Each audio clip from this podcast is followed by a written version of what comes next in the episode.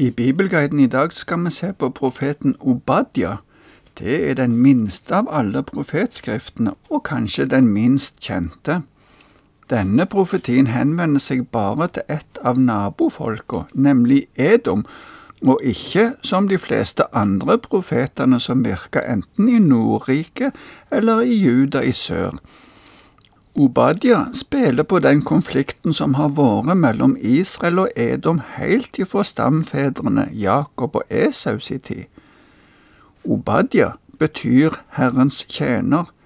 Det er usikkert om dette er personen sitt navn, eller om han kaller seg det for å være anonym.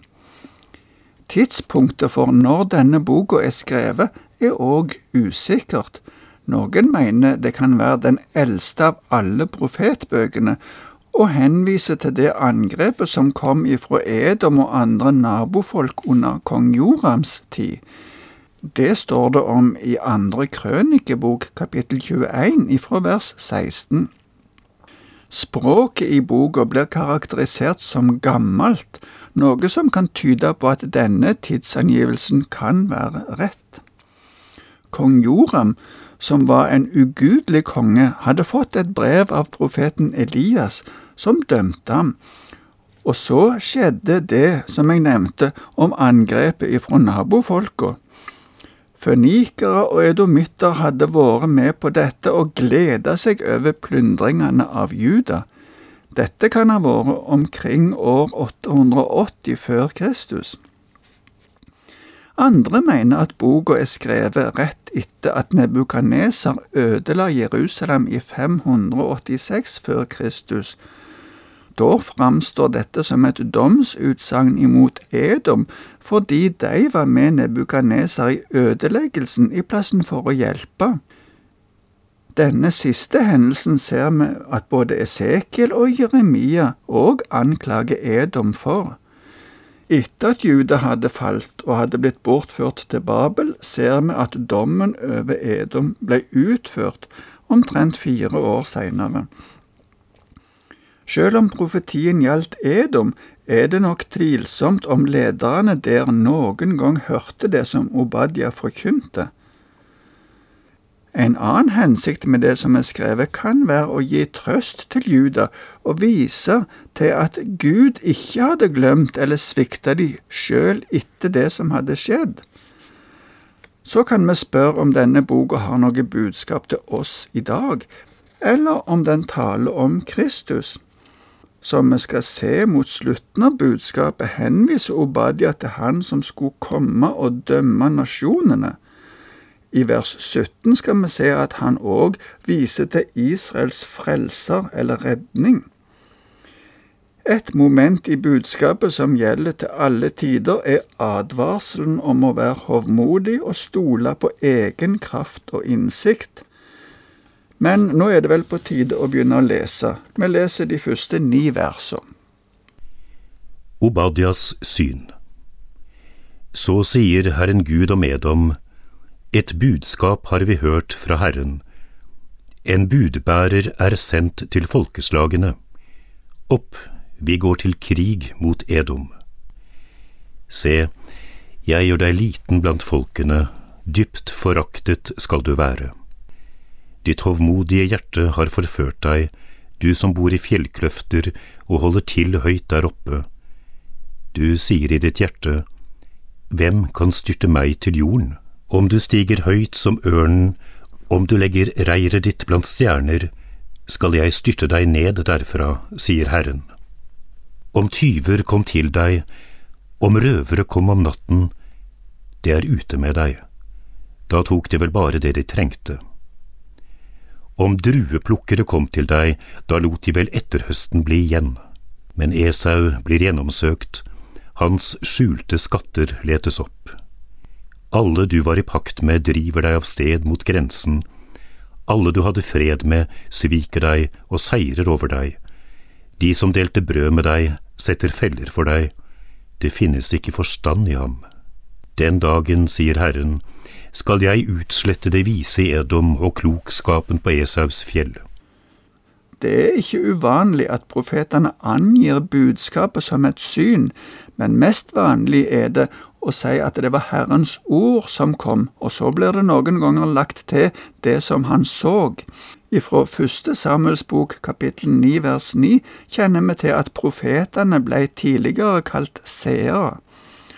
Uttrykket i fortsettelsen Så sier Herren bekrefter at det er et budskap ifra Gud sjøl. Edom bodde øst for Dødehavet. Noen av byene var i fjellkløfter og vanskelig å komme til for fiender.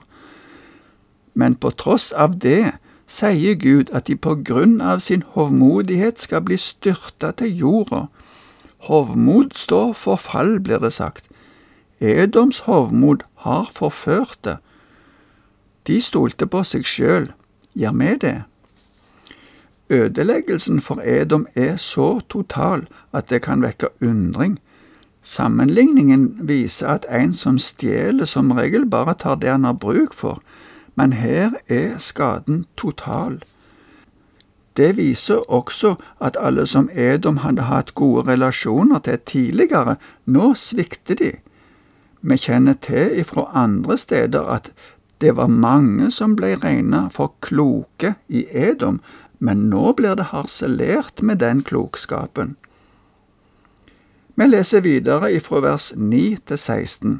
Her skildres mer av uvennskapet mellom disse folka som egentlig var broderfolk. Dine krigere, Teman, blir slått av skrekk, for hver og en skal utryddes fra Esaus fjell. På grunn av drap og vold mot din bror Jakob skal du dekkes av skam du skal utryddes for alltid. Den dagen du holdt deg borte, dagen da fremmede førte hæren hans bort som fanger, da utlendinger gikk inn gjennom hans porter og kastet lodd om Jerusalem, da var du som en av dem.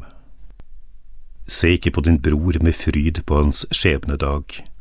Gled deg ikke over judeerne den dagen de går til grunne. Vær ikke stor i munnen den dagen de er i nød. Gå ikke inn gjennom mitt folks port på deres ulykkesdag. Se ikke med glede du også på det onde som rammet dem på ulykkesdagen. Grip ikke etter rikdommen deres på ulykkesdagen. Still deg ikke i veikryssene for å hugge ned flyktningene. Utlever ikke de overlevende på nødens dag for Herrens dag er nær over alle folkeslag. Slik du har gjort, skal det gjøres mot deg. Dine gjerninger kommer tilbake over ditt eget hode. Som dere drakk på mitt hellige fjell, skal alle folkeslag alltid drikke, drikke og svelge og bli som om de aldri hadde vært til.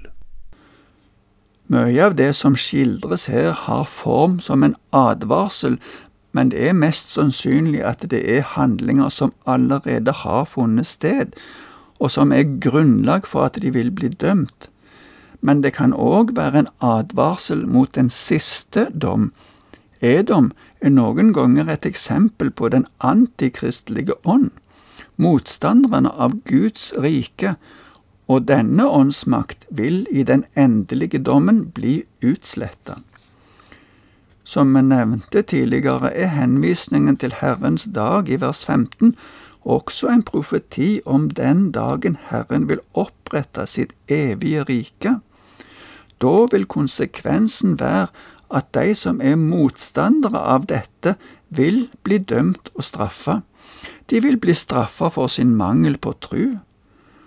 Den dagen vil Israel, eller kanskje vi skal si Guds rike, bli gjenoppretta.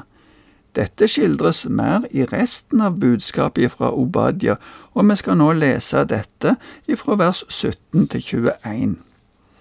Men på Sionfjellet skal det finnes redning. Det skal være hellig. Jakobs hus skal drive ut dem som drev dem ut. Jakobs hus skal være en ild, og Josefs hus en flamme, og Esaus hus skal bli til halm. De skal brenne dem og fortære dem, ikke én fra Esaus hus skal overleve. Herren har talt. Negev skal ta Esaus fjell i eie. Lavlandet skal ta filisternes land, de skal ta Efraims land og Samarias land, og Benjamin skal ta Gilead i eie. Denne hæren av israelitter i eksil skal ta det som tilhørte kananeerne helt til Sarepta, og de fra Jerusalem som er i eksil i Sefarad, skal ta byene i Negev. De som er fridd ut, skal gå på Sionfjellet og dømme Esaus fjell, og riket skal tilhøre Herren. Jakobs hus og Josefs hus tyder på at det her siktes til et samla Israel, og kanskje vi kan si at det gjelder alle som har Herren som sin konge. I dette riket skal det nå ikke lenger være noen som ikke tilhører Guds folk. Alt det onde skal utryddes. Jeg tror ikke vi skal gå mer inn på alle disse stedsnavnene, men det viser at riket skal tilhøre Herren og Hans folk. I denne oversettelsen sies det at de som er fridd ut, skal gå opp på Sionfjellet. I noen andre oversettelser er det snakk om redningsmenn eller frelsere, men uten å gå mer inn på det kan vi si at Gud vil etablere sitt fullkomne rike. Da spørs det om du og jeg skal være med der. Fra Det nye testamentet vet vi at hver den som tror på Jesus, skal bli frelst. Herren være med deg.